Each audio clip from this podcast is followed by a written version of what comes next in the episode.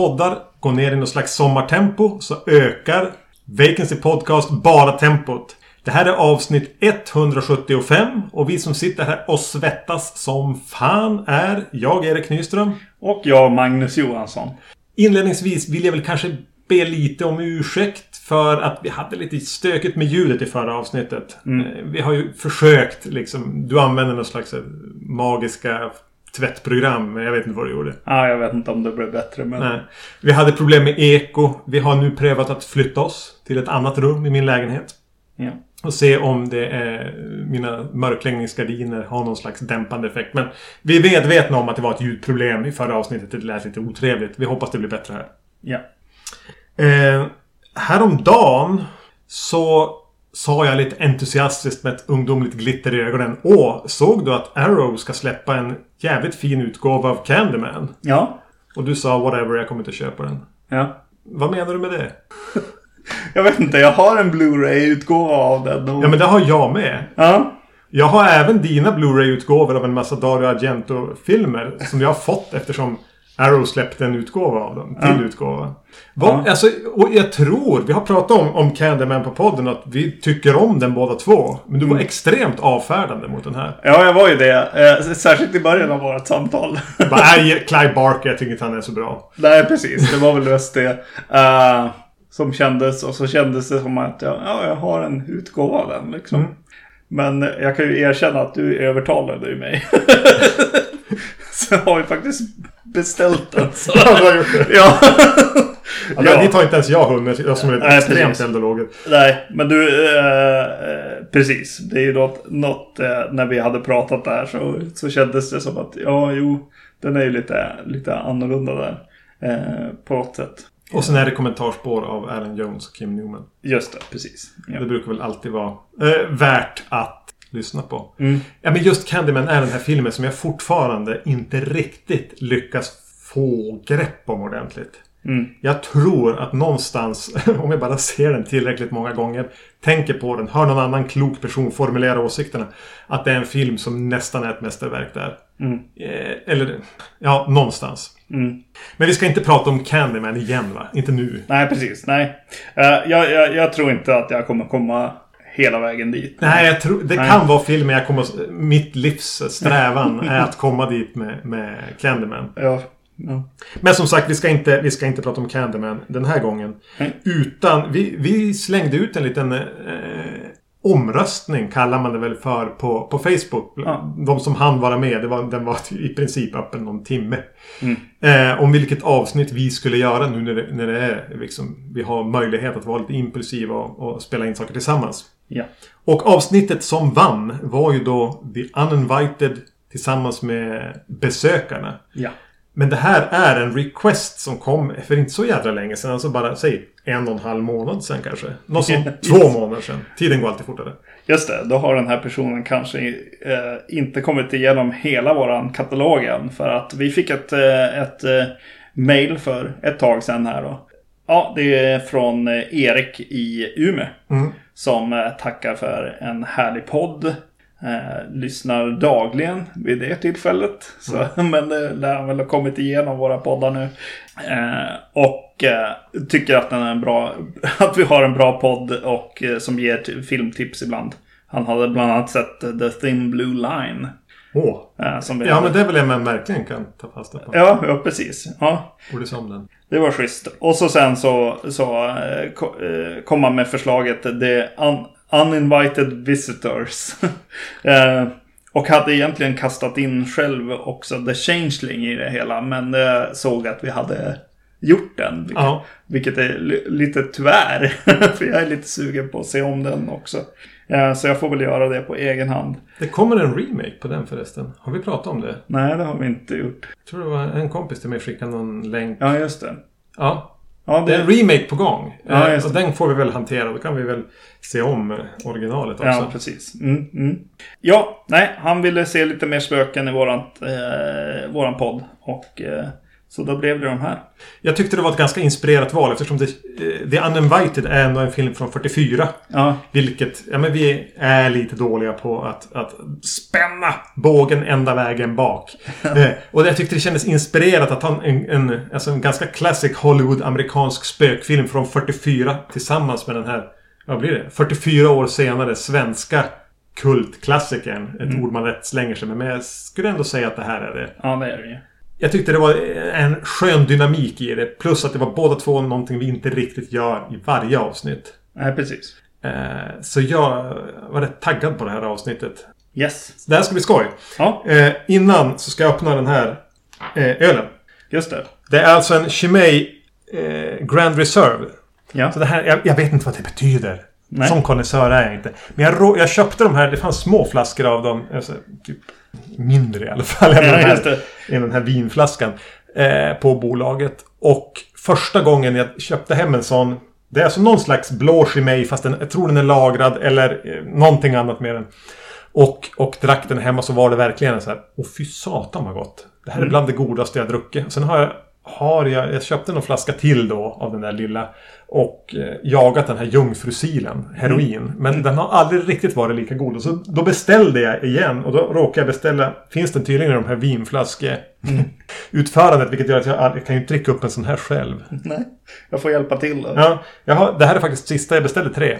Yes. Så jag har haft hjälp med de andra två. Men nu ska jag, det här är också en så här, jag tänker att det är radiovänligt det här. När jag korkar upp den. Nice. Mm. Så det här är någon slags trappistöl. Eh, stark eh, munköl. öl. Ganska söt. Skummig. Ja, ska du... Eller så här. Jo, men vad ska hälla? Skummar det mindre. Jag tänkte mest på att vi gjorde två hänt, eller en hand bara. Ja. Men det gick bra. Något slags samarbete. Yes. Ja, men en sipp. Har, har du hunnit smaka? Nej. Nej. Skål. Skål. Mm. Mm. Den var god. Jag tycker den är riktigt god. Även om som sagt var jag kommer alltid att jaga den där jungfrusilen. Ja, just det. Chimay Grand Reserve. Kommer aldrig att komma dit igen. Yes. The Uninvited, som sagt var 1944. Eh, regi Louis Allen. Lite no-name regissör. Jag tänker med en studiokontraktkille här. Ja. Eh, ett syskonpar eh, är ute och spankulerar på engelska eh, kusten. Och ser ett hus de bara måste ha. Eh, det är övergivet och de promenerar in. De tar kontakt med den som äger det. Köper det. Flyttar in. Kommer i kontakt med de personer som har haft med det att göra. Det, det uppdagas en historia om tragisk död och det naturligtvis verkar det även som att huset är hemsökt. Mm. Yes. Ja, precis. Eh, Jag hade sett den här en gång förr. Jag hade inte sett den här. Hade du någon, hade du någon koll på den? Nej. Nej. Eh, ja, men jag hade sett den tidigare. Jag hade... Kollen jag hade egentligen var eh, en kompis till mig. Samma kompis som jag tror skickade länken om eh, Changeling Mm. remaken. Som hade uppmärksammat mig på att, att i, i ehm, Poltergeist så refererar de till The Uninvited.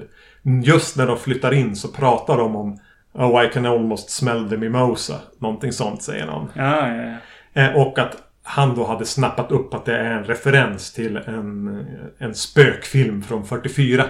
Och det man väl tidigt ska säga här att det här var ingen genre som egentligen existerade med hemsökta hus och spöken 44. Den var, När den här kom fanns det ingen historia riktigt och det fanns ingen det fanns inga genrefränder i sidled eller egentligen framåt Nej. de närmsta 15 år. Naturligtvis fanns det det. Men inte som... eh, Inga, inte många och inte så uppmärksammade. Utan Nej. den här var jävligt ensam när den stod 44. Ja, som en väldigt klassisk spökhusfilm. Fast Ja, i, stöpt i en sån här småputtrig trevlig Hollywood-form. Precis. Eh, lite gothic eh, romance Ja. också. Precis, för jag såg ganska nyligen Rebecca. Ja, du sa det när vi, när vi Ja. tittade på den också. Att bara, jag tänker lite grann på Rebecca. Och då var jag hånfull och sa vadå för att du ser en svartvit film? Ja, I precis. 4-3. Nej, nej, det fanns eh, andra saker, vilket, vilket är kanske en av de mörkare bitarna av den här. Eller som, som känns så här, ja den här känns ganska eh, daterad.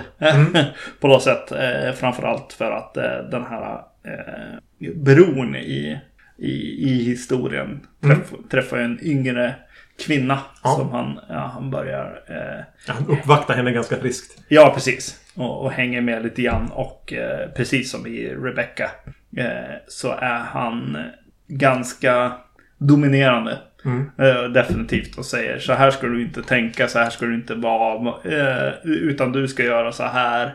Eh, ganska mycket Mm. i filmen. Vilket känns lite ofräscht. Ja, den har en ganska ofräsch alltså, uppvaktnings... Eh, där. Eller liksom hur man, hur, hur man och kvinna skola mötas. Ja, precis. Men just att du börjar prata om Rebecca redan alltså under filmens första 25 minuter. Eller vad det, nej, inte ens det. Kvart kanske. Mm. För sen hur den utvecklar sig och de pratar om... I, I Rebecca handlar det ju om mannens före detta hustru som är död. Ja. Eh, här börjar de prata om, om den här unga kvinnans mamma som är död. Mm. Och som målas upp som den här fantastiska eh, personen. Ja. I båda fallen. Och det finns även ett stort skräckinjagande porträtt på båda de, i båda filmerna på båda de här kvinnorna. Och, och mot slutet kommer vi att spoila. Vi kommer inte göra jätteallvarliga spoilers. Nej. Inte så att vi berättar exakt hur filmerna slutar. Eh, Eller så gör vi det. Ja. Eh, ja, men hur som helst. Eh, I så fall kommer jag med lite spoiler här. Så, så förändras ju lite bilden av den här personen Mm. under resans gång. I båda filmerna. Så just att du börjar prata om Rebecca så det snabbt var ja, väldigt spot on. Ja. Det här är en slags eh, mindre mörk, Mm. puttrigare spökhusversion av Hitchcocks Rebecca. Ja. Och då vill jag bara säga att Hitchcocks Rebecca är typ en av hans bästa filmer. Ja. Jag har inte sett om den på länge nu, men mina minnen är, är, väldigt förtjust i den. Ja. Och Jo, den är, är förbisedd. Mm. Som en av hans här topp fem. Ja. Eh, men kul med syskon. Som är, som är... Man tänker först, hur lång tid tog det innan du förstod att de var syskon? Ja, det tog ett tag. Ja, Ja. precis. Först bara, ja men det här är ett par på landsbygden och de ser ett hus och vill flytta in. Och så sen bara, ah, vänta nu! de är syskon! Eh, skulle du och din syster någonsin bara hänga när ni är så här i 35-årsåldern och bara, vi köper ett hus tillsammans?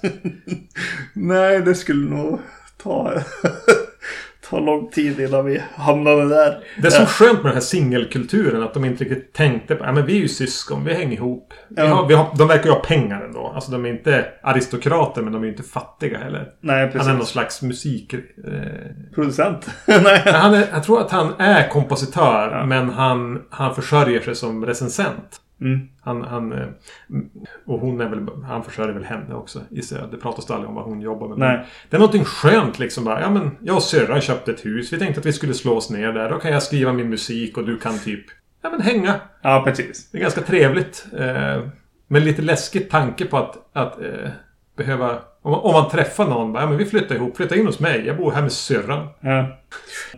Men jag kan ju erkänna att jag tycker att det är... Att jag skulle nog, nog tänka mig mer att så här, en, två bröder eller två systrar flyttar ihop. Skulle Mm. det vara mer... In, inte lika underligt. Men det är också kanske utifrån hur den börjar. Att jag, att jag inte liksom... Jag, jag först tänker, ja de här är tillsammans. De är ett par liksom.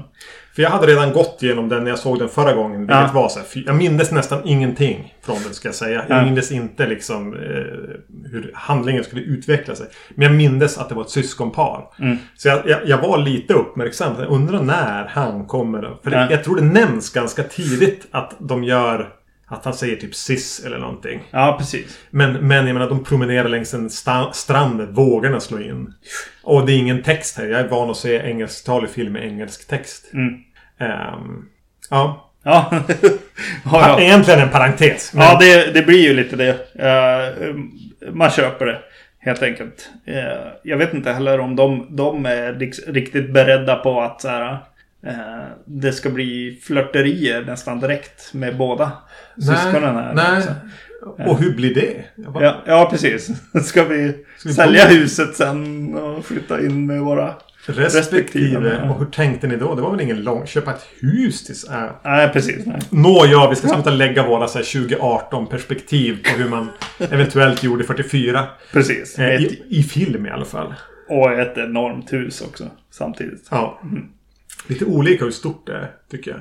Ja, Jag nämnde just det, när man ser det utifrån så kan det ibland se ganska litet ut. Ja, just det. Mm. Det känns väldigt stort ibland. Eller stora rum i alla fall. Jo, precis. Ja, men det är ju uppenbart att det är en modell eh, vid något tillfälle där. När de Mm. har en liten, en liten eh, fin bild över, över eh, stranden och, och huset uppe på, på en backe där. Man blir lite pepp på att bo sådär till. Ja, just Att det. bara kunna gå ut. Okej, jag skulle sätta upp Klippan. ett staket vid klippan. Ja, Det ja. borde någon ha gjort för länge sedan.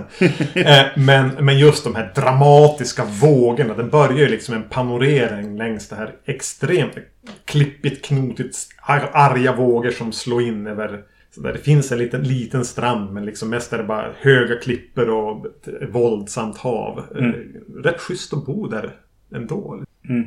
Inte kanske med barn, men ja. Det är ju en schysst öppning alltså med, med hela den här eh, vågorna där som slår mot land. ja. Eh, mm. Eh, de här två syskonen spelas ju av Ray Milland och Ruth Hussey. Ruth Hussey har jag ingen... Okänd för mig. Mm. Ray Milland har jag sett i rätt mycket. Ja, Eh, gjort en del Hitchcock. Han var med i Lost Weekend. Här i kring någonstans i år där han spelar en alkoholiserad författare. Han är ändå en skicklig karaktärsskådis. Mm. Eh, som sen även fick gå in och vikariera lite grann för Vincent Price i Roger Cormans Edgar Allan Poe filmatiseringar. Han gjorde några rätt okej inhopp där. ja. Men han är en, och jag tror att han spelar skurken i Hitchcocks eh, tredje filmen. Jag tror du har den. Eh, Dilemma for Murder. ja, just det. Mm. Eh, där tror jag, har jag mina minnen att han är riktigt bra. Så det är ju, här får han vara lite mer spjuvercharmig. På Ja, ett så här Cary Grant-sätt. Jag tycker ändå att, jag menar, absolut. Ja, absolut. man, man, man blir lite förtjust i han. Jo, Jag skulle falla för han om jag var 20. just det. Ja. Eh, och jag tycker även att, att hans, hans sys- hon får ju mer bara vara systern. Jo, precis. Li, lite tråkigare karaktär, men Mm. hon bär den ändå bra. Det tycker jag. Absolut.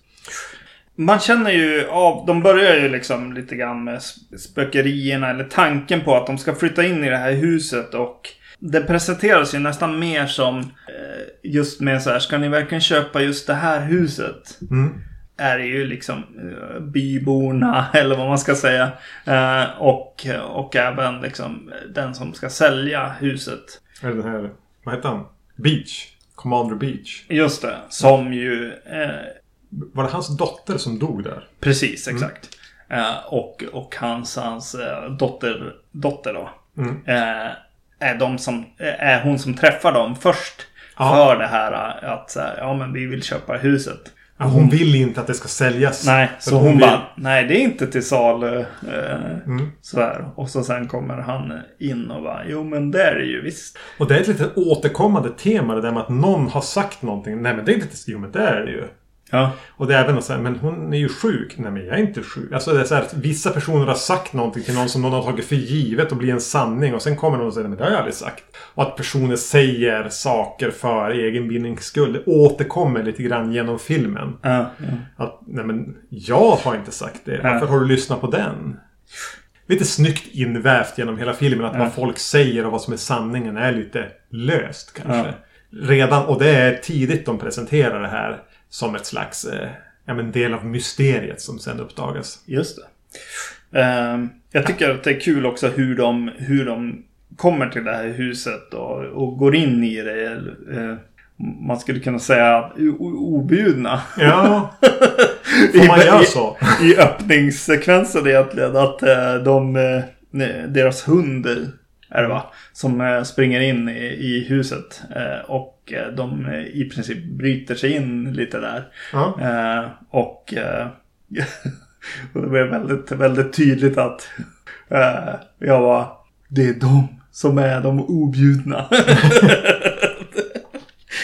det blir lite, lite väl on the nose. kändes det som där i början. Men ja, eh, det är lite som eh, The Others. Ja. Eh, Nicole Kidman-filmen.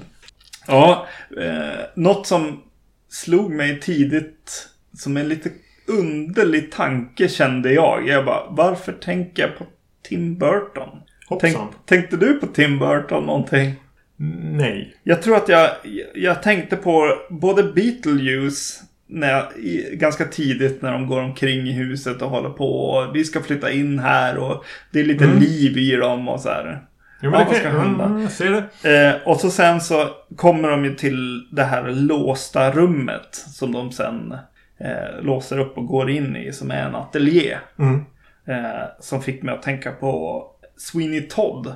Jag har inte sett Sweeney Todd. Nej, just det. För han bor och verkar i princip i det här rummet. Okej. Känner jag så här. Så att det är nog, något, det är nog en film som Tim Burton har sett både en och, Absolut. en och två gånger. Skulle jag säga. Den tar ju även sin goda tid. Alltså långt in i filmen, och- eller genom hela, så är den ju väldigt mycket en dramakomedi. Med ro- ganska starka romantiska över och undertoner. Lite grann presenteras ett mysterie, lite grann presenteras spökeriet. Ja, Det märks att det inte finns så mycket klichéer att luta sig mot här. nej.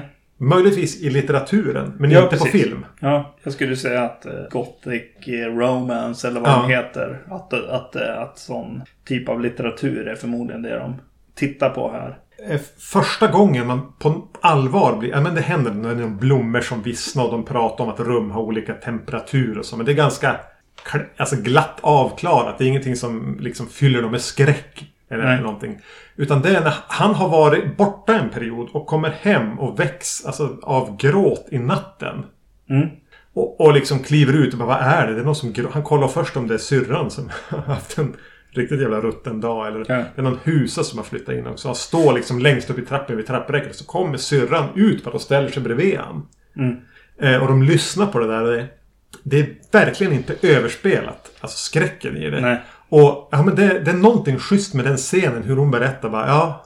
Jo, det brukar oftast vara vid den här tidpunkten. Att hon har re- redan varit där och hanterat det här. Varit Ja. rädd till en början. Ja, men det, det, det är en cool scen. Och så Ja. otroligt skönt nerspelad. Mm.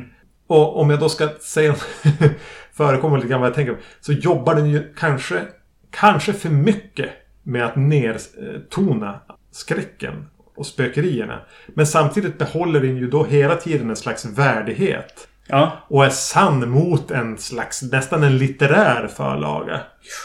Och, den är ju väldigt litterär. Och den är baserad på en bok. ja den är det ja. Mm. ja. Ja, det är ju bra att veta. För att eh, jag tänkte på det eh, definitivt på hur det spökas. Är väldigt eh, bra för en bok. Ja. Eh, men ganska dåligt eh, för något cinematiskt. Ja, den är ju inte visuellt skrämmande på så sätt. Nej. Eh, eh, till exempel det här med att det, det doftar. Mm. Alltså det måste man ju bara säga. Ja. I dialog. Det Oj, vad det luktar med måsa. Ja, precis. Det finns inget annat sätt att, att hantera det Mm. på, eh, på ett cinematiskt sätt. Så det skulle man ju kanske göra annorlunda om det inte hade varit en, en eh, bok. eh. Välja något annat än en lukt. Ja, Man kan precis. riktigt se hur de beskriver det. För de pratar om mycket om att Oj, den är nästan överväldigande. Och det finns Mm. som två. Det verkar nästan som att det finns två dofter där. Alltså dels Mm. den här råa, kalla Mm. känslan. Och den här varma, kärleksfulla mimosadoften. Ja. Eh, och det är ju svårt. Det blir ju väldigt pratigt på film. Mm. Och det, ja, det ska man väl säga rakt ut. Det, är en, det blir ett bekymmer även för den här regissören som egentligen bara har filmat sina manussidor. Det har, och, och ärligt talat, liksom, hur skulle du lösa det? Ja. Om du inte är John Waters och ger folk så gnuggisar som de får lukta på. när de ser alltså det. Nej, precis. Men, men ändå, alltså, jag tycker ändå inte de... I den här, den film vi ser, hade de försökt göra någonting mer med det så hade det kanske blivit lite lökigt. Men nu håller den det till lite det här kammarspels... Ganska lättsamma eh, kammarspelskänslan. Mm. Mm. Just med sp- spökerierna också så måste jag säga att, att det känns lite grann som att den ändå... Alltså för att vara så här tidig så känns den lite så här påläst på något sätt. Eh, Att de, att de lutar sig nästan åt någon slags vetenskap eh, om spökerier. De, de eh, håller på med, med seanser och, och Mm. lite sådana grejer som är kanske just i att det känns lite mer som ett drama här så blir det lite mer så här, ja men så här, så här funkar spökerier på något Mm. sätt. Eh, eh, en slags eh, introduktion till, till spökerier. Som film så är den ju ett väldigt bra startskott då liksom för vad Innocence kom sen och House on Haunted Hill, The Haunt. Alltså Ja. det som komma sen, även, även typ Exorcisten ligger ju lite i linje med det här. Ja, just det. Eh, att den är en väldigt, alltså så här, det är verkligen ett startskott. Och då vet jag det finns förmodligen tidigare filmer. Mm. Men, men Det är, alltså, ska du göra en, en, en slags relativt kortfattad spökfilmskronologi. Så är det, ja men var, var annars början här? Så du menar på att den sätter reglerna snarare än, än är lite påläst? eh, Som jag upplever den liksom, lite grann. Ja, men jag tror det lutar sig mot det litterära och det litterära har en längre historia. Ja, från redan från 1800-talet. Exakt. Jo. Och, och Jo, där finns ju mycket. Ja men så här funkar det. Man för lite glas. Man pratar. Alltså det blir lite den här. Det spökar. Nej, det finns en vetenskaplig förklaring. Eh, Exakt. Dialogen hela tiden.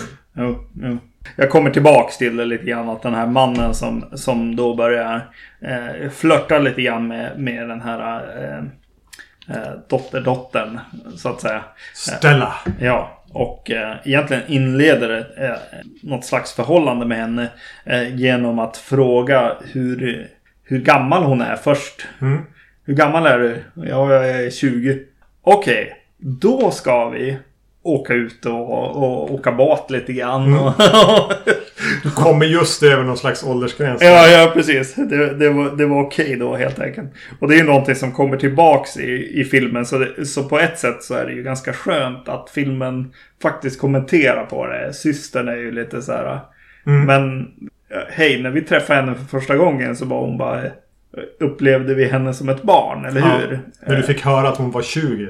Då. Ja, precis. Och bara, ja men låt mig vara så här. Eh, Hon är ju faktiskt en kvinna. Och så sen en mening senare så nämner han henne som ett barn igen. Ja. Eh, Så det är ju... Eh, Och där, där kanske vi kommer till någonting som jag tycker är väldigt positivt med filmen. Inte, inte det här, men dialogen Mm. Är ju väldigt mysig. Ja. Alltså eh, väldigt eh, roligt, roligt skriven dialog. Den är fyndig och, Ja. och så här, la, alltså inte för alltså, snärtig tror jag är ordet jag letar efter. Just det. Och att de har skickliga skådisar hela tiden som har tajmingen, som vet när, när, var de ska lägga betoningen och sånt. Eh, precis. Eh, den, är, den är straight to the point och kvick också. Ja, precis. Snärtig. Mm. Ja, absolut. Inget ovanligt i filmer från typ 40-talet. När de hade som etablerat ljudfilm under fe- 10-15 år. Mm. Så hade de hittat liksom, och kunnat börja plocka in de här skickliga eh, författarna från teatern. Som bara, kör, Mm. ni kan det här. Ja, Använda sig av dem. Eh, och ha även duktiga karismatiska skådisar som bara Mm. kan leverera det här små gnabbandet. Ja men det är lite syskongnabb med små pikar och sånt där. Snabbt avklarat och så vidare. De kan säga så mycket med en replik. Mm. Vilket är skönt. Vad tycker du förresten om Stella? Hon som spelar Stella. Hon heter Gail Russell. jag tycker...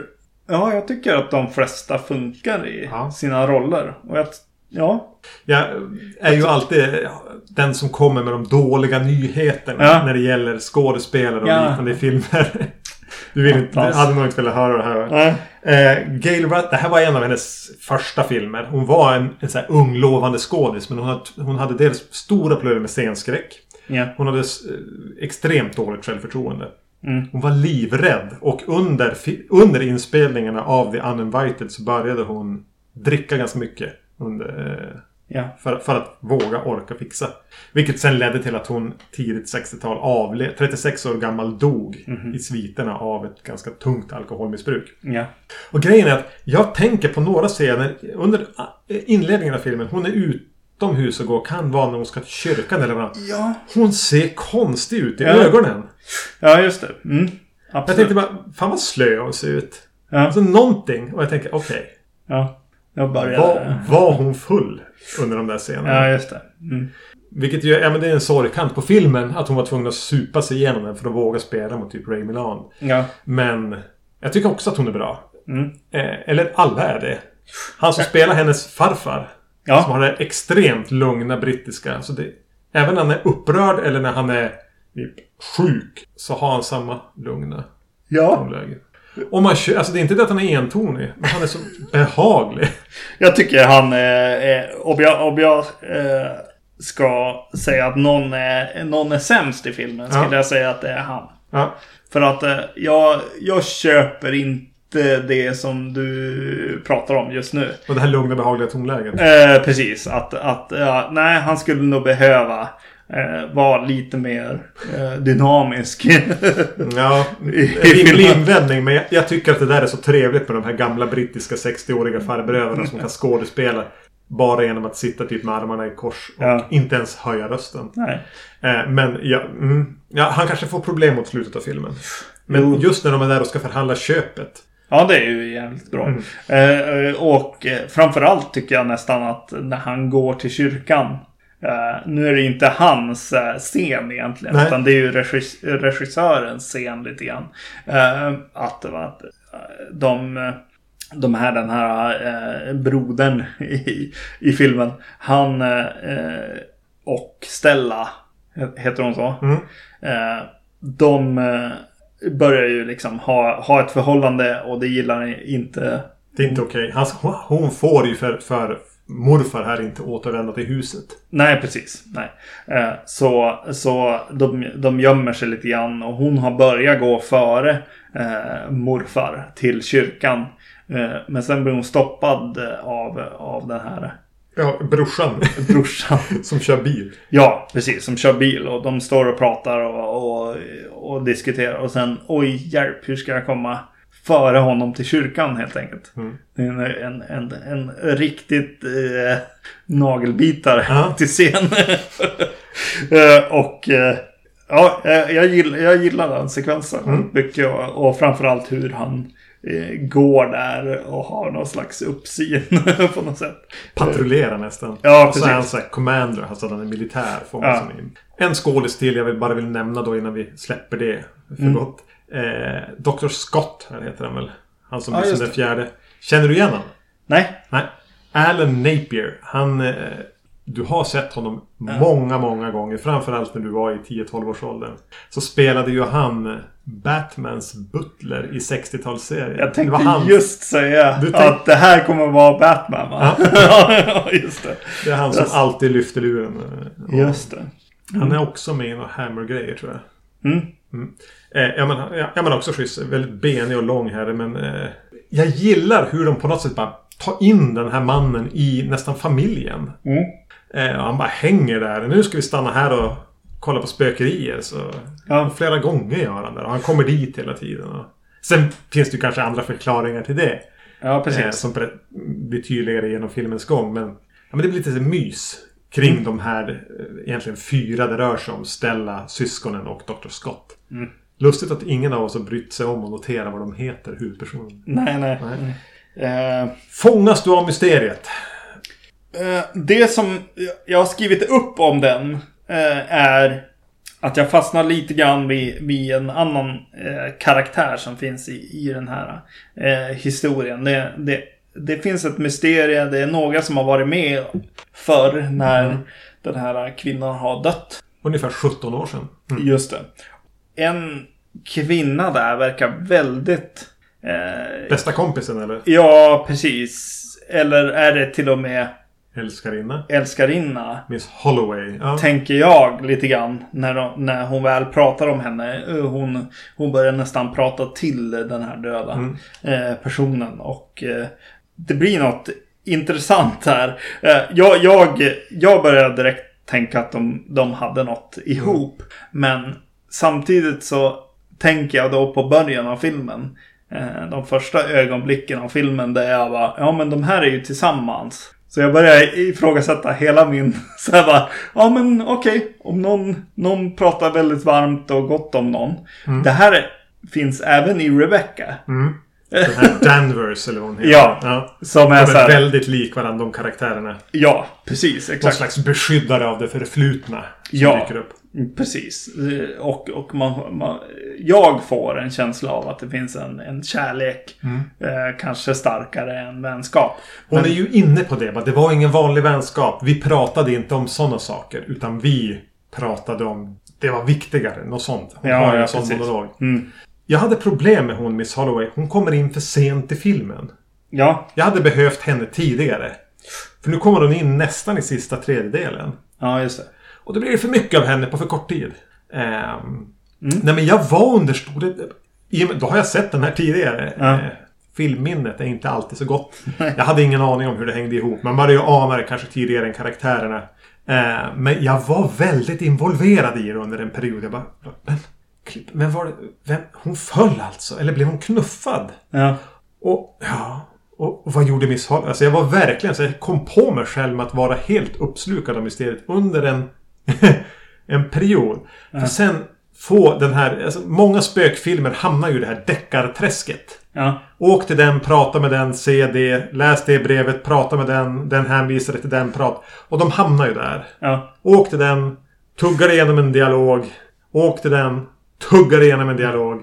Kanske hade vissa saker gått att berätta på något annat sätt än att åka och prata med folk. Ja. Alltså radioteatergrejen. Ja. Då tappar den mig lite grann. Eh, och, och som sagt, det är egentligen de två stora invändningarna jag har. En, det är det och in med Holloway tidigare. För Hon är en spännande karaktär. Ja. Och, och, och även porträttet här är ju hon som har jätteporträtt. Ja. Eh, det hade jag velat se tidigare. Hon hade behövt vara en faktor under första tredjedelen av filmen. Ja. Det är väl också en, en anledning till att jag kanske tänker att det förhållandet är, me, är mer än vänskap. Är att det här porträttet är ganska sensationellt. Eller Ja. sensuellt kanske till och med. Jo, det är ingen bara en liten bild man har för att minnas någon. Nej, nej, nej precis. Utan det är väldigt, väldigt stor. Som ett hjälteporträtt. Ja, verkligen. Alexander den store med ett svärd i handen. Känslan. Ja, Mm. ja, ja, precis. Vill du säga något om eh, musiken? Och hans ledmotiv som han skriver för Ja, stället. just det. Ja, precis. Vi hade lite roligt åt det när vi såg det för han är ju kompositör och han håller på, han jobbar ju hela tiden med att skriva. Han vill ju bli känd som det. Mm. Och då skri- Stella by Starlight skriver han liksom med, för sin, för att han är så kär i henne. Just det. Och till 50% eller kanske till 70% är ju det en rip-off på As Time Goes By. Ja. Det är som att han börjar spela det och så bara slamrar iväg åt något annat håll. Sist, Ja. Sista tredjedelen av, av det lilla kända melodin. ja. Eh, och, och, och vi pratade till och med om det efteråt. Bara, är det här dram bara as time goes by? Och så säger jag skrev det här åt dig. ja, det blir ju lite löjligt. Ja. Eller är det meningen att vi inte ska tänka på det? Eh, det, det måste ju vara meningen att vi inte ska tänka så. Att han är en jävla skoj filur där liksom. Ja. Som försöker ligga med en 20-åring liksom. Ja. Bäst att låtsas skriva en låt till och jag tar en klassiker. Ja, precis. För hon har ändå ingen koll. Nej, förmodligen inte. Hon är så ung. Men det blir lite, lite jobbigt här. Ja. Ja, nej men eh, det är väl en ganska nice film. Ja, jag såg tydligen eh, att jag hade sett den då för 3-4 år sedan. När jag Ja. köpte den här utgåvan. Jättefin utgåva. Ja, det är Criterion. Ja. Mm. Då hade jag gett den 7 av 10. Ja. Skulle, eh, skulle du kunna skriva under på 7 av 10? ja, det skulle jag Ja. Jag skulle säga att, att den är någonstans nästan en typexemplet 7 av 10 i Ja. betyg. Eh, ja, och framförallt så är den för vad den är. Alltså, Ja, det är ju otroligt med tanke på det. Alltså när så här, ja men det här är det första vi, ja, vi får lite grann. Och där gäller det även effektarbetet egentligen. ja, spökerierna där. Ja. Ja, det Ja, blir, det lite- blir ganska häftigt. Alltså. de är nästan att man blir lite imponerad av. Ja. Jaha, kunde man göra sånt här 44? Ja, jo, det är coolt. Um, någonting jag tänkte på i den här filmen det är ju att vet du, det används en hel del. Ja, jag vet inte om det är green screen eller, eller så här, eh, att man projicerar någonting på bak, bakgrunden liksom, Mm. i den här filmen också. Så jag tänkte så här, ja det, det är inte bara idag som sånt där Nej. hände på något sätt. Det är ganska snyggt eh, gjort här mot för senare egentligen. När det studsar, när de, folk kör bil och sånt där eh, på 60-talet liksom. Man tänker inte på det i alla fall. Nej, Kanske nej. svartvita 4-3 format. Det är inte green screen, det kan jag säga. Nej, nej precis. Men det, är- det, är, det är snyggt gjort alltså Mm. i den här filmen. Absolut. Ska vi gå vidare? 44 år senare, Sverige. Yes, besökarna eh, från 88. Familj flyttar in i hus någonstans lite grann ute på landet. Mm. Det spökar. Ja. Har din relation till besökarna? Eh, det är att jag har sett den i unga år någon gång. Mm. Eh. Hur unga år? Eh, gud vad svårt. Jag, jag kan aldrig sånt här. Ja, Men alltså var du... Jag var i, i högstadiet kanske. Ja. Och, och hur mycket har du sett den sen dess? Eller är det högstadiet som är senaste Nästan titeln? ingen... Har jag sett den en gång till kanske? Men då var det typ gymnasiet då. Mm. Så att det är länge sedan. Ja, eh, nu. det är 20 Absolut. år sedan du såg den. Ja, absolut. För det här var en av filmerna som jag växte upp med. Ja. Eh, Alltså, jag, Crocodile Dundee, massa Steve Martin-filmer, Goonies, Besökarna Mm. och, och något no, no mer. Men det här var en av de som vi hade på en sån kopierad hyr-VHS hemma. Som jag bara, nu ska jag se en film, nu är jag hemma sjuk. Eller nu ska jag se en film på en lördag. Och play Besökarna. Återigen ett exempel på att mina föräldrar inte censurerade någonting. Nej. Jag fick, jag fick vara min egen Eh, eh, ratingboard. Det är väldigt intressant. Ja. eh, När vi kommer in i det här sen. Men nu, ja. Yes! Så ha det i åtanke. Yes. Sen, sen såg jag den nog inte på väldigt länge. Så jag såg den s- 92 kanske. Och sen dröjde det nog tills... Jag tror det är min DVD jag tittar på. Mm. Jätterisig utgåva. Eh, jag och några kompisar för kanske 10 plus år sedan såg den då. Ja men nu ska vi se Besökarna. Inga minnen av just den titeln.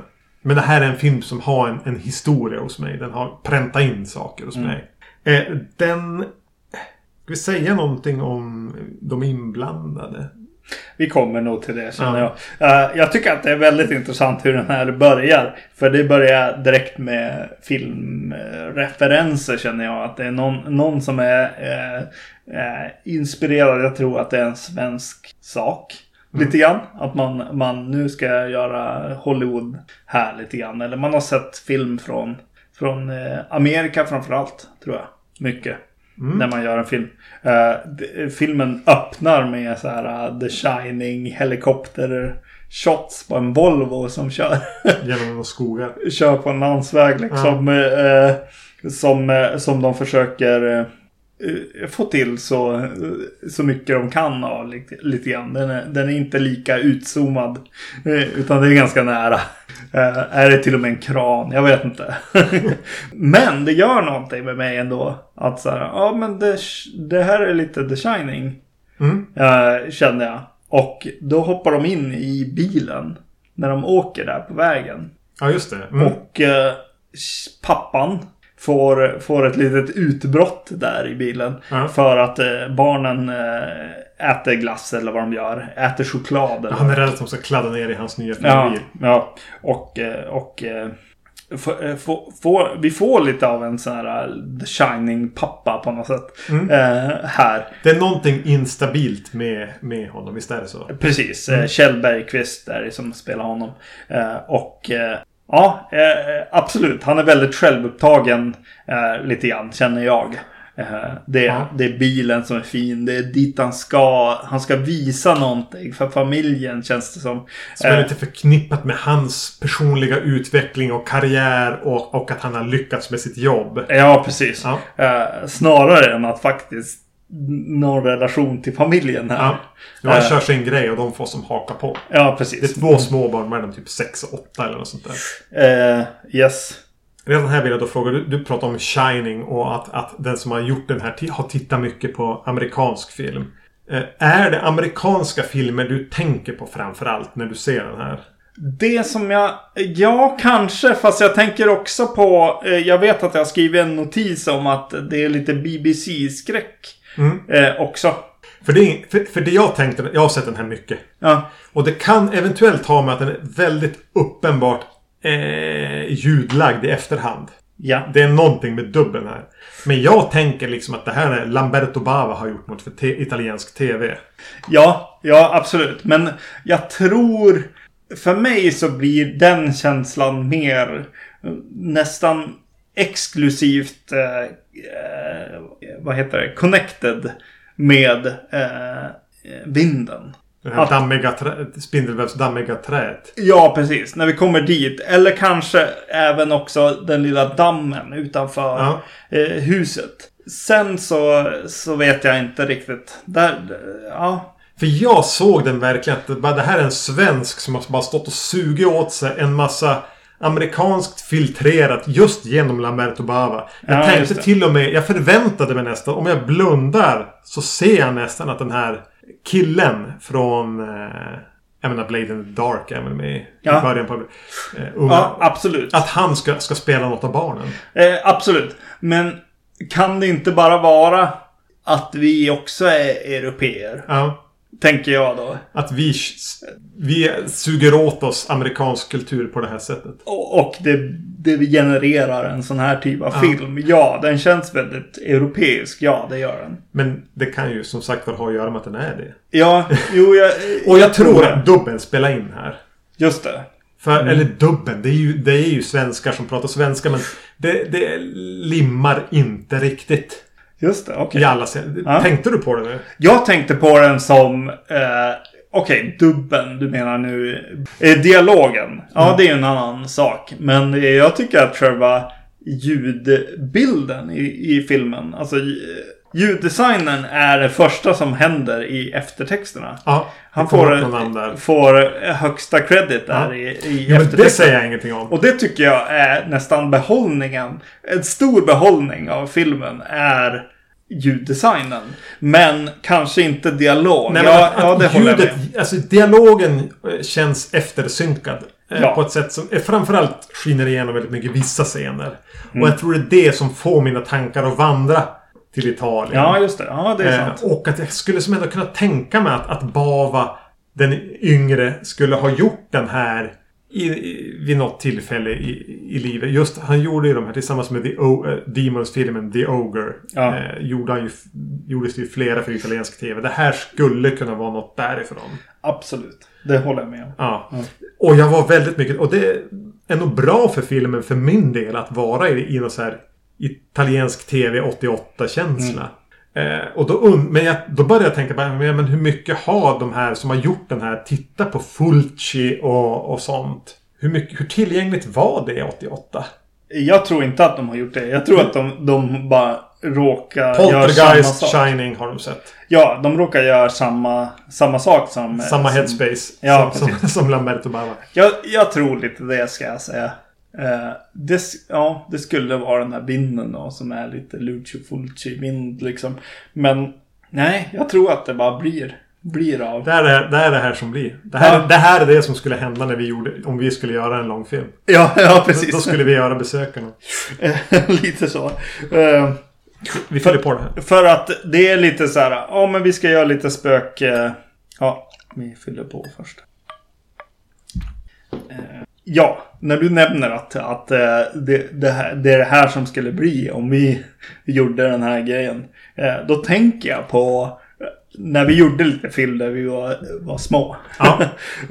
Och du går in och säger kan vi inte stå på på garaget här och filma lite ner, eh, ner på karaktären här som går ut från garaget. Ja. Det, det, det känns lite, lite som det ibland. Att så här, ja men vad gör man då? Jo, man, man försöker få till några helikoptershots. Man, man ställer sig längst upp i trappen och filmar neråt när, när hon kommer in i huset och går, går runt lite. Mm. Eh, för att få några intressanta shots lite grann.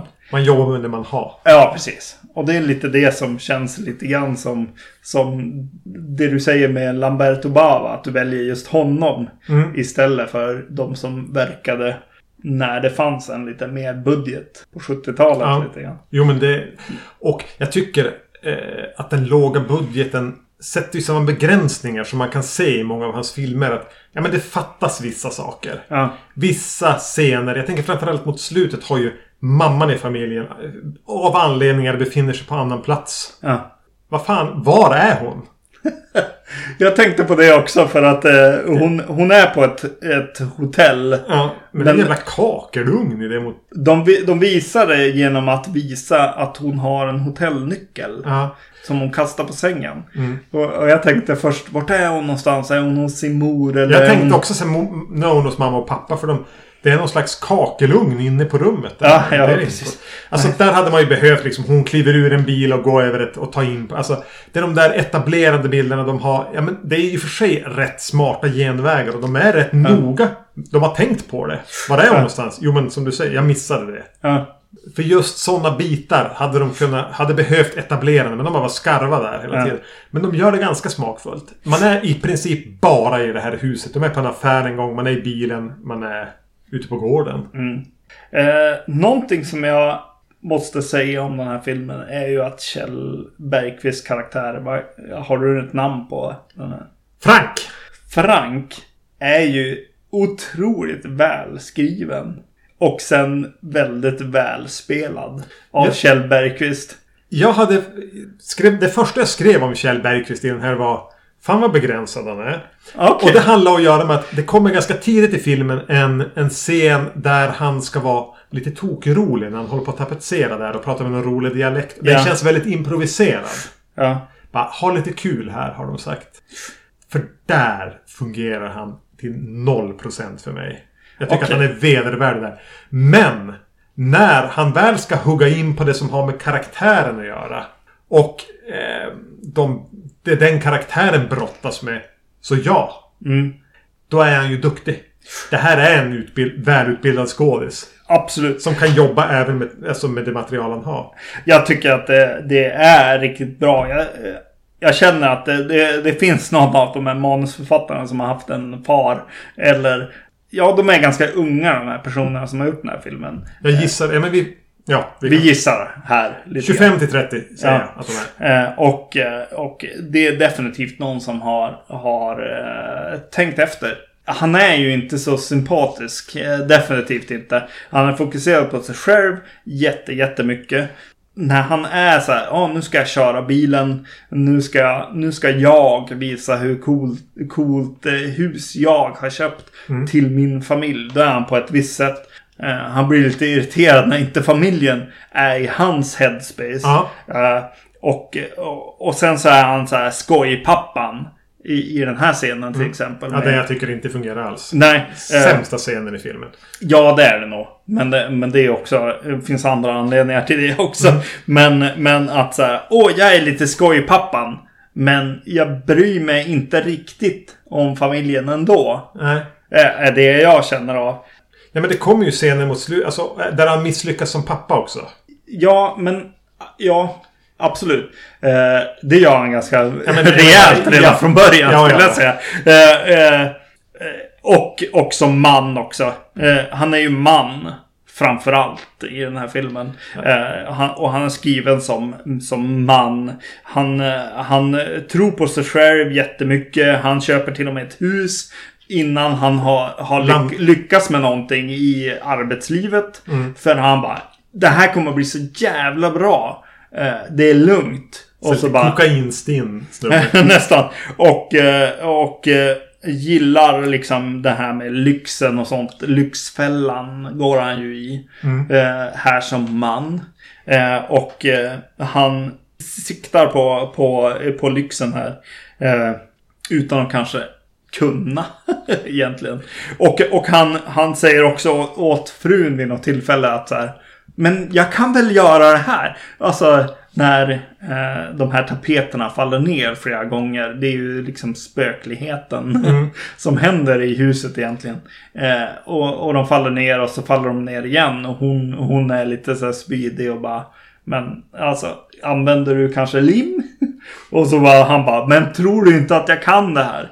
Jag har köpt ett, eh, en villa. Det är klart att jag kan renovera en villa. För jag är ju man. Han är lite grann på något vis den här negativa versionen av Pippi Långstrumps. Det har jag aldrig gjort förut, så, såklart kan jag det. Ja, precis. Exakt. När man Eh, snubbe tar sig an det så blir det så här. Ja. Jag tycker han är otroligt... Alltså att det är otroligt träffsäkert skrivet. Och spelat också.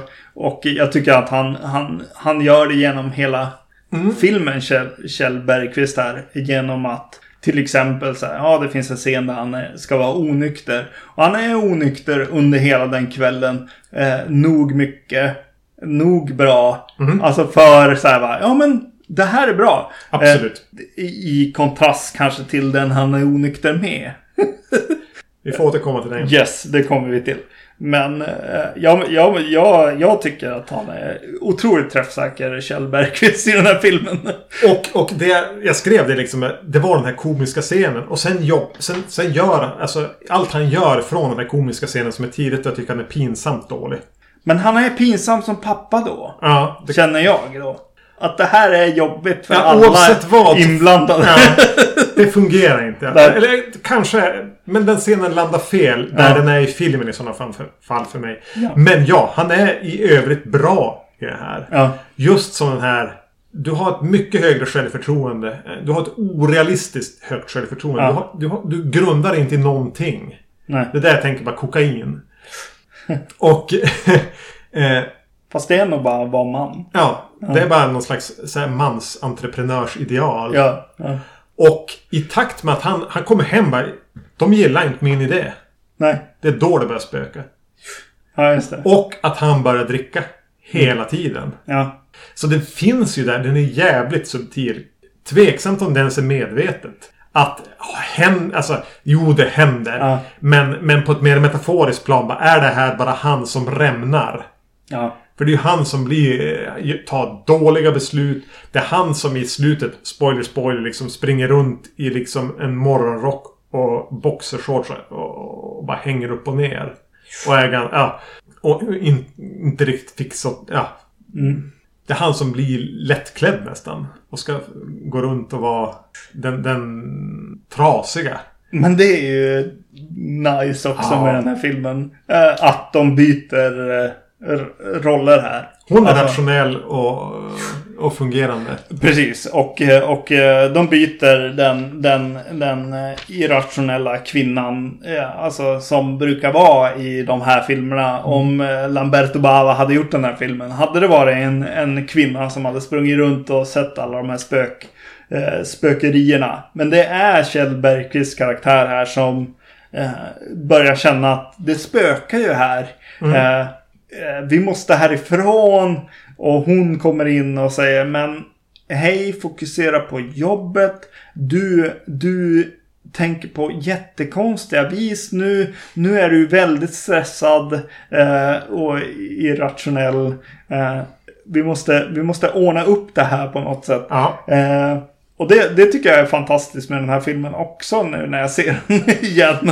Eh, Jo, men man blir lite förvånad över hur mycket de faktiskt har tänkt i manusarbetet. Ja. Du, du börjar skåla där bara åh, så skörda grejen. Bara så små detaljer. Ja. För en sidokaraktär som då är en av manusförfattarna ja.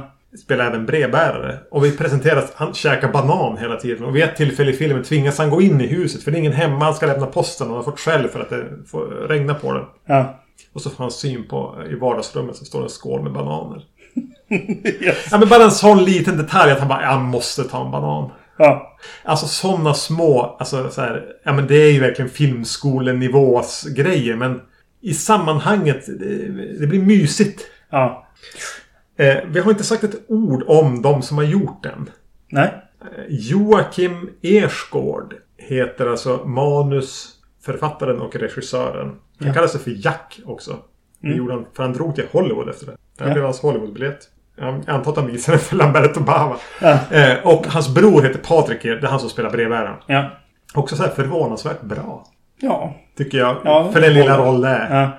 Eh, ser väldigt mycket ut som någon som inte ska jobba med film. Den där så här, eh, hårdrockar eh, hästsvansen.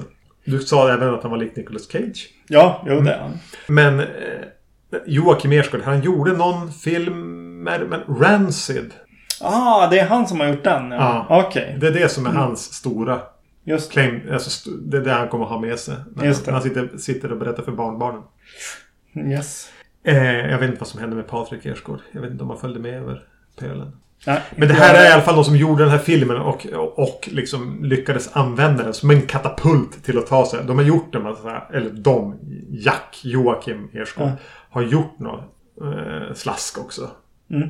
Som säkert skulle vara kul att titta på. Ja. Ja, jag vill bara en sista sak om Kjell Bergqvist. Jag minns, alltså när jag såg den här, hur jag upplevde han som instabil. Ja. En instabil pappa var obehagligt. Mm. Och vad rädd man blev att pappa skulle bli arg. Ja. Just den vibben fångade jag upp när jag såg den. Men jag kanske var 9-10 när jag såg den här. Det är det jag tänker på. Med, det jag tänkte på med, med att du såg den så tidigt. Ja. Eh, snarare än spöken eller vad det nu kan vara. Liksom. Eh, så är ju den här pappan väldigt eh, spot on för vissa pappor förmodligen. Och på Ja. något, jag, jag är verkligen inte min pappa.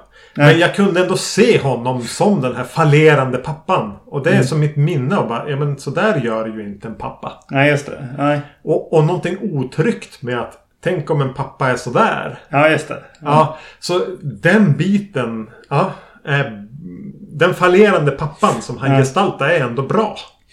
Men det är det som är så roligt med den här filmen tycker jag. Med att då, då också ändra vem som ser spökena och sånt. Att, att, att det blir inte kvinnan eh, som är i den här relationen som ser, ser spökena. Utan det är mannen. I och för sig kanske lite grann som The Shining. Ja. Eh, men, och det blir till slut även pappan som, som är där med sina barn. Ja, han sitter där och är... Och man märker nästan att jag är inte bra på det här. Jag kan inte riktigt. Eh, Ja, men då kan jag läsa en saga. Ja, precis. Men då är vi ju i läget att, att den hysteriska mamman lämnad med, med sina barn och pappan försvinner. Mm. Eh, det, det är också en liknande situation då i alla fall. Eh, i, en sån skräckfilm om man skulle tänka sig att det var kvinnan Mm. som hade blivit hysterisk här. Eh, eller som, som, eh, som frun faktiskt säger till honom att du är på gränsen till sinnesförvirrad. Ja, som, skönt ord. som var ett roligt ord eh, på något sätt. Ja, det... Jag gillar, jag, jag gillar, alltså jag är faktiskt imponerad av det här manuset. Ja. Det måste jag säga. Eh, framförallt i de detaljerna som har med eh, han att göra. Framförallt. Mm. Kvinn, k- alltså, mamman får inte så mycket roll. Eh, barnen får inte det. Och eh, eh, resten av karaktärerna blir eh, någon slags komisk, eh, komiska roller. Ja. Som inte nästan hör hemma. Tycker jag. När jag, när jag väl ser Kjell Bergqvist kämpa igenom den här filmen som någon slags social realistdrama liksom. Här. Ja. Om vi då ska rikta in oss på de övernaturliga elementen. Så Mm. alltid när jag tänker på besökarna. Om jag pratar med någon som jag vet att jag har sett den med eller sett den om så brukar liksom det vara så de tre heliga scenerna. Mm. Eh, de tre heliga scaresen. Mm. Kan du gissa vilka de är? Eh, Det finns... Eh, eh, För för mig är de tre som jag tycker... Satt inte lika bra den här gången. Jag tror det är lite olika från när jag ser den. eh, Men det är tre saker som jag tycker är riktigt obehagliga. det finns en, ett ögonblick eh, som utspelar sig i i, inne, i en, eh, inne på toaletten. Eh, när det börjar bubbla i toaletten. Och hon rusar in och han slår huvudet. Ja, precis. Nej, nej. Det, är- det är inte en, för den sitter inte riktigt alls. Den skulle kunna göra det. Den skulle kunna göra det med ett, ett stort eh, vrål från eh, mu- musiken. Ja, Eh, men det finns inte där. nej. Eh, så det, är- det är lite dålig timing på det. Eh, sen så... Missade du det? För jag sa det till Ja, dig. också. ja, ja precis. Jo, men För du jag, var helt nere i dina Ja. anteckningar och skrev. Det är ju en bra idé. Jag tycker den är bra genomförd. Ja. Han, han vaknar på natten. Här, eller kanske inte riktigt kan sova. Vänder sig om och tittar på sin fru i mörkret. Och bara Herre jävlar vad fan. Hon ser jätte... Hon, är hon, alltså... Och det skulle gå att genomföra bättre. Liksom, hon ser ju helt sjukt ut. Och så vänder han sig om och tänder lyset. Och så ligger hon typ vänd åt andra hållet och sover. Ja. Hon ser förvriden ut på något sätt. Ja. Det är en sjukt bra idé. Och tyvärr blir den sämre för varje gång jag ser, genomförd för varje gång jag ser den. Mm. Men det är en av de här bara... Fan vad bra grej. ja. Eh, mm. Det andra är han är ute i... Han har typ sitt enda lyckade dad moment. Ja. Han är ute i typ trädgården. Det är typ en skog nästan. Och, och har täljt någon liten träfigur och pratat om sin pappa som en av hans barn kan minnas. Ja. Så ge, men nu kan du få den här och ha i din bil. Och så ger han sin son eller om det är dottern en kram. Och så tittar han över axeln mot huset. Och så ser han en gestalt stå uppe på andra våningen. ja. Ja, jag får lite så här nu när vi pratar om den. Vad roligt för att eh, jag, jag, jag, jag känner att den inte satt igen. Mm. Att det är någonting med tajmingen. Eh, kanske musiken mycket. Eh, jag, jag är ganska negativ till musikläggningen av den här filmen. Eh, särskilt kontra, eh, som jag sa, eh, ljudläggningen. Som Ja. jag tycker är riktigt nice. Förutom kanske den dubbade dialogen. Ja. Men det, det är något riktigt eh, creepy och skönt med, med ljudläggningen med de här lite sci-fi elementen fast riktiga ljud eh, från riktiga saker. Eh, det, det är schysst liksom. Eh, men i den sekvensen så eh, jag ser att det är att det är läskigt. Men jag känner inte. Ja. Eh, då känner jag snarare med, eh, med scenen som kommer innan. Med så här tälja figuren och Ja, prata om pappan. Och, och att han inte vill... Vänta, nu håller jag på att få känslor här. Då, då stryper vi den, det snacket. Här får du, får du den här Telda-grejen liksom. Jo men den scenen är bra. Jag gillar på något Mm. vis hur det punkteras av att han får syn på någonting. Ja, ja.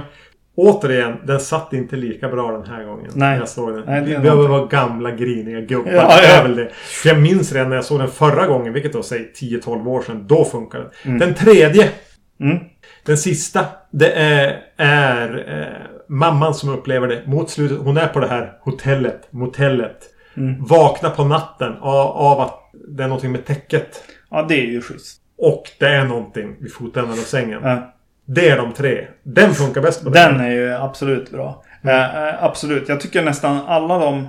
Och så sen tycker jag också att det är jävligt schysst när den eskalerar där mot slutet lite grann. Nu är det där, där han hänger och blir slängd runt i rummet och sådana grejer. Då blir jag så här engagerad. Det tycker jag är lite spännande och jobbigt. Mm. Eh, framförallt för att tidigare i filmen så finns det en sekvens där Kjell Bergqvist eh, eh, försöker stoppa eh, någon från att köra iväg. Och, eh, han, eh, med bilen. Ja. Och han, eh, han håller i eh, bildörren och, och, och verkligen gör några stunts liksom. Eh, där. Där han blir släpad lite grann med bilen. Och, och, och det känns som att han ska klämma sig i bildörren och annat liksom. Eller, eller falla han under, får ju- under eh, däcket. Under däcken ja. ja men Ja. det, får göra, det är lite fysiskt skådespel. Ja, precis. Och det, det blir eh, jobbigt. Och sen då när, när den scenen, när den fysiska eh, andra scenen kommer. Eh, så känner jag ju att det är han som blir eh, omkastad där. Och det, det blir... Eh, ah, det blir, det blir så här... Oh shit vad coolt bara egentligen. Mm. Snarare kanske än skrämmande. Men ja, nej, det är som häftigt där. Actionsekvenserna är ju faktiskt rätt bra. Ja, jag tror Det att är det de. kanske är det ja. Och att han har morgonrock på. Ja, jo, jo. Jag tycker det är fantastiskt. Ja. Har, det är någon vi inte har nämnt va? Eh, just det. Vi ska nämna att det är Lena Endre som spelar mamma. Alltså den har Ja. fått ihop en cast här. Eller det Ja. det är egentligen tre personer och så två no-name barnskådisar. Ja. Men äh, vid ett tillfälle när Frank här, Kjell Bergqvist, insätter spöka så ringer han ju en slags spökjägare. Ja. Eh, Och spelad av Johannes Brost som spelar då Allan heter han. Ja. Som får komma in och vara med i 20 minuter av filmen. Och... Eh, ja men vi måste prata om Johannes Brost. Är inte han en av de mest bortkastade svenska skådespelartalanger vi någonsin har haft? Det finns en energi i Johannes Brost och bara hur han ser ut, hans hår. Här har han en liten schysst mustasch. Ja. Eh, och något lite... eh, Jag kan inte riktigt få orden på det, men han har en energi som inte är liksom så klassiskt skolad. Nej. Som man bara, här är det. Här finns det flera skådespelarprestationer att ta ur den här mannen.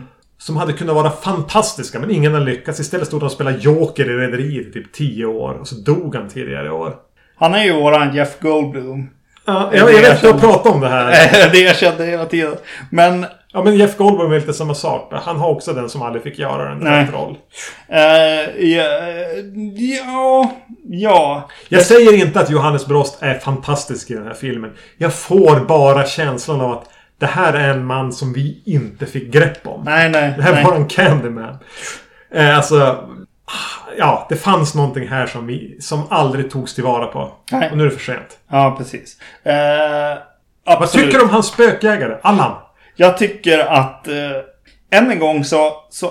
så, för han kommer in egentligen med, med den här taxichauffören som är comic relief lite grann. Ja. Eh, eller någon så här lite...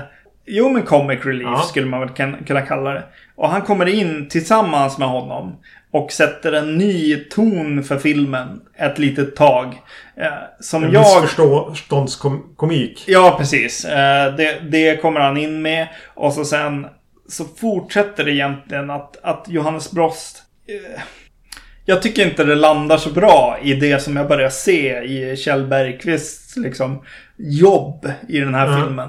Eh, så kommer det in en skådespelare som, som inte har samma grepp på tonen på filmen som jag upplever den eh, just eh, i, i dagsläget. Eller Han har en lättsammare ton. Ja, precis. Mm. Så jag får li lite mer problem med den karaktären. Eh, Ja, men det är ju övergången till andra akt på något vis. Ja, precis. Jo, det, jo, det är ju det. Och, och eh, blir den lite lättare. eh, Men... Mm, så jag har lite, lite svårt för den. Ja, men för mig är just att, att Allan, spökjägaren, ska in där så, så integrerat eftersom jag sett den här sedan jag var då typ 10. Ja, Eh, och det är någonting med hans uppsyn som är och, och de här glasögonen som man har i en sån här, eh, senilsnöre kallar man det väl för. ja, och jag tycker att, att han är... Jag tycker om det där samspel. Alltså, det blir en lättare touch. Det blir mer ja, men som de här eh, spökjägarna från Poltergeist som på något sätt har ärvts till Insidious-filmerna. det är Insidious de är med i. Ja, just Ja. Mm, exakt. Eh, den lite lättsammare. Men det tar, sig, tar ju ganska snabbt en mörkare vändning också. Ja, Eh, kanske med för länge eller kanske hade man kunnat disponera det annorlunda. Men någonting behövde filmen vid den där Ja. tidpunkten. För att ge den en skjuts, för att ge den lite energi, för att ge den en annan ton. För hade vi bara haft Kjell Bergqvist som skulle ha någon slags eskalerande eh, vansinne i takt med spökerier Ja. misstro från fru. Det hade inte heller fungerat. Nej, precis. Nej, och, och Kjell Bergqvist håller ju fast mig lite grann i hans värld fortfarande. Det är inte så att han bryter eh, sin egna ton eh, där. Utan när de går upp för trappor så, så har han druckit lite för mycket och han... Det, det är uppenbart att det, det är lite... Det är läskigt men han orkar med eftersom att han har druckit Mm. och så. Eh, Så det funkar ju faktiskt. Får inte du känslan av att när de har suttit... Han, han, han, men Kjell Bergqvist och Johannes Brost har suttit upp och druckit, vänta in. De håller på och liksom läser av energierna i ett rum där tapeterna faller ner. Eh, och, och så de sitter och... Det börjar med att Kjell Bergqvist bara skrattar. Så här, skådespelare skrattar jättemycket. Ja. Lite pajigt. Eh, och så får man se liksom att de har druckit så här 15 öl. Får du känslan att Johannes Brost har druckit två av dem? Och Kjell Bergqvist har druckit resten? Ja, exakt. Ja. Jo, absolut. Så där kan man väl köpa att de har lite olika läge där. Ja. Men... Eh, mm. Eh, just det, och där, där går de ju in i det här. Det finns ju ett hemligt rum där uppe på, Ja, på vinden. Eh, hur mycket ska vi spoila och hålla på i den här filmen? Ja, men ni, har ni inte sett Besökarna och är livrädd för spoilers så kan ni väl sluta lyssna nu då. Just det. Ja, För öppnandet av dörren är ju lite centralt på något sätt. ja jo, det är viktigt vad som finns där bakom. Just det. Och, eh, och eh, där tycker jag att det finns något fräscht med filmen. Men det är nog också italiensk känsla här. Eh, Det är att när de öppnar dörren, det är mycket spindelväv, det är väldigt... Eh, inte Lucio Fulci kanske, utan, utan mer Lamberto Bava. Ja. Eh, och, men de har klätt hela det rummet med kvistar som att det har, har växt eh, något litet träd eller Ja, klätterväxter. där precis. Något som aldrig riktigt förklaras. Nej. Men det finns kvistar som verkar fortfarande växa där inne. Ja, eh, det tycker jag är skitfräscht och häftigt liksom. Eh, Medan sen då eh, så finns det såna här... Men sen har de blandat allt de kan komma på. Ja, ja precis. Det, Afrikanska masker, en läskig docka, konstiga tavlor. Ja, Det hänger fjädrar. Ja, Fågelfjädrar precis. i snören. eh, de, eh, framförallt kanske de här exotiska maskerna, Ja, tingen. eh, Eh, känns inte, inte helt fräscht då. Eh, Medan de här eh, kvistarna i dörren gör det absolut. Eller på väggarna. Kvistarna. Ja, men, säg, tänk kvistar, spindelväv. Kanske någon tavla där inne. Och Ja. den här boken. Boken är lite lökig också. Ja. Men ändå, den måste vara där för att få fram något slags syfte. Precis, det blir lite Evil Dead eller the, äh, möter The Blair Witch Ja. eh, Project nästan. En bort med de där. Ja, ja. Men det, det är, så, så rummet är lite hit and miss där. Mm, mm. Eh, Och det är där han hamnar i finalen sen. mm, Via takfönstret. Och nu spoilar vi ju ändå så... så eh, jag hade minnen av den här filmen. Det här, jag minns det här från när jag såg om den nu för säg 10-12 år sedan. Mm. Men i mitt huvud, man får se en glimt av no, någon slags demon här. ja. Eh, I mitt huvud så var den demonen fram till det jag såg om den för 10 år sedan. Ja. Eh, mycket diffusare och mycket läskigare. Ja. I mitt huvud, som den såg ut fram till, fram till för 10 år sedan, så såg den ut som... Eh, kommer du ihåg? eh, Marvel, att eh, The Thing, Ben Grimm, förvann, under en period så blir han mer en slags lervarelse. Ja. Alltså han är inte den här kantiga sten. Nej, just det. Mm. det är som att han har blivit mer gjord av lera. Ja. Något som såg ut som han, fast vitt. Som bara snabbt glimtade förbi och gjorde någon grimas. Alltså Ja. där. Diffus. Det var min minnesbild. Ja. Och här får vi någon slags... Jag vet inte vad. Gargoyle-liknande sak. Mm. Den var bättre nu än vad jag mindes den. I mitt huvud så var den mer fågellik. Och mer som... Äh, jag vet inte ens vad. Någonting ur den oändliga historien. Ja. Falkor kanske. ja, precis. Ja. Eh, men vad tycker du om demonen? Det lilla vi får se av demonen. Nej, Det är lite tråkigt alltså. Men det är ju det är coolt fram tills dess eh, Ja. på något sätt. Att, att de har satt det i en spegel och att det blir så här. Man börjar se något diffust eh, vid något tillfälle. Eh, och så sen eh, en kameraåkning in i mörkret i Ja. den här spegeln och allt sånt där. Eh, det känns som de gör coola grejer där fram tills demonen då. Som Ja. ser ganska söt ut. Ja. ja men det, mer, det känns ju mer som en... Ja, en gargoyle som liksom ska vara där och göra i Mm. ordning för att... Alltså jag vet inte vad den gör där. Ja, Men det känns ju inte hotfullt. Det är inte det man vill ska vara hotet. nej. Och något som slog mig när jag såg den den här gången. Jag har sett, alltså som sagt, den här filmen har funnits i mitt medvetande sen då den dök upp på hyr. Mm. 88, 89 kanske. Vi pratar snart 30 år. Det är pluralet. Jag har tänkt att det var den där gar, fula gargoylen. Men det är ju besökarna. Ja, Det är inte bara han liksom. Det, finns, det handlar snarare om en portal. Eller hon. Ja. Eh, att det finns kanske flera. Eller är det då Kjell Bergqvist och familjen som är besökarna? ja, I deras värld. Det var det som öppnade, alltså det slog upp nytt valv i min lilla skalle. Nu det var vilka är besökarna? Och är det inte Kjell Bergqvist med och Lena Endre med barn? Är de fler än en de här? Och det nämns ju i den här boken att de, tror jag. Precis, för, för eh, när man ser eh, en gestalt i fönstret så är det ju en annan Ja. än den här demonen. Så att eh, ja, det är väl de kanske. Men det är samma som The Uninvited I guess. Vilka är The Uninvited och vilka är besökarna lite grann. Eh, mm. Ja, det är bra. bra. Det är bra tanke. Men det är Absolut. schysst att det skulle ta fram till idag. Liksom, Ja. Juli 2018 efter att ha levt med den här filmen så länge. Då ska jag ifrågasätta att det faktiskt inte är besökaren. Nej, precis. Jag tycker bara att läskligheterna blir allt, alltid bara BBC-läskligheter. Jag, ty jag tycker inte att de, de funkar så mycket. Det är coolare med det här som blir lite mer actionfyllt, I guess. Mm. När han blir om, omkullkastad då när, när Johannes Brost inte är med i filmen så mycket mer. Eh, och sånt. Eh, Att det, blir nästan häftigare än, än de, de faktiska jump scaresen som de försöker Ja. se på här som, som inte riktigt landar. Ehm, Men något som är riktigt eh, häftigt med just att, att de har bytt rollerna här. Det är ju också att eh, hon, eh, mamman här, Lena Endre, förstår i slutändan att för, för sent egentligen. Och, och ser att vänta det finns ju faktiskt spöken på nästan ett, Stephen King-sätt. nästan. Hon blir nästan barnad av någon. Ja. Eller då i Shining igen kanske. Och, och åker och faktiskt räddar dem på något sätt här. Mm. vilket ju brukar vara mannens roll. Hon är verkligen kavalleriet. Ja, eh, det är ju schysst alltså med den här filmen. Eh, hantverksmässigt, just i, alltså både i manus och i actionsekvenserna är den ju skicklig. Ja. Jag har tyckt att, att scare-sekvenserna, de här, den här, de här tre jag nämnde, Ja. har varit genuint läskiga. Tyvärr fram till den här titeln. Nu satt de inte lika bra. Nej. Det kan vara att jag var lite väl medveten om när de skulle komma. Vi hade för mycket öl i kroppen kanske. Ja, jag var för seg. Just det. Och, och Men- solen skiner Ja, alltså vem fan kan fungera normalt i den här jävla värmen? Yes. Eh, Men ändå. Alltså det här, den är hantverksskicklig.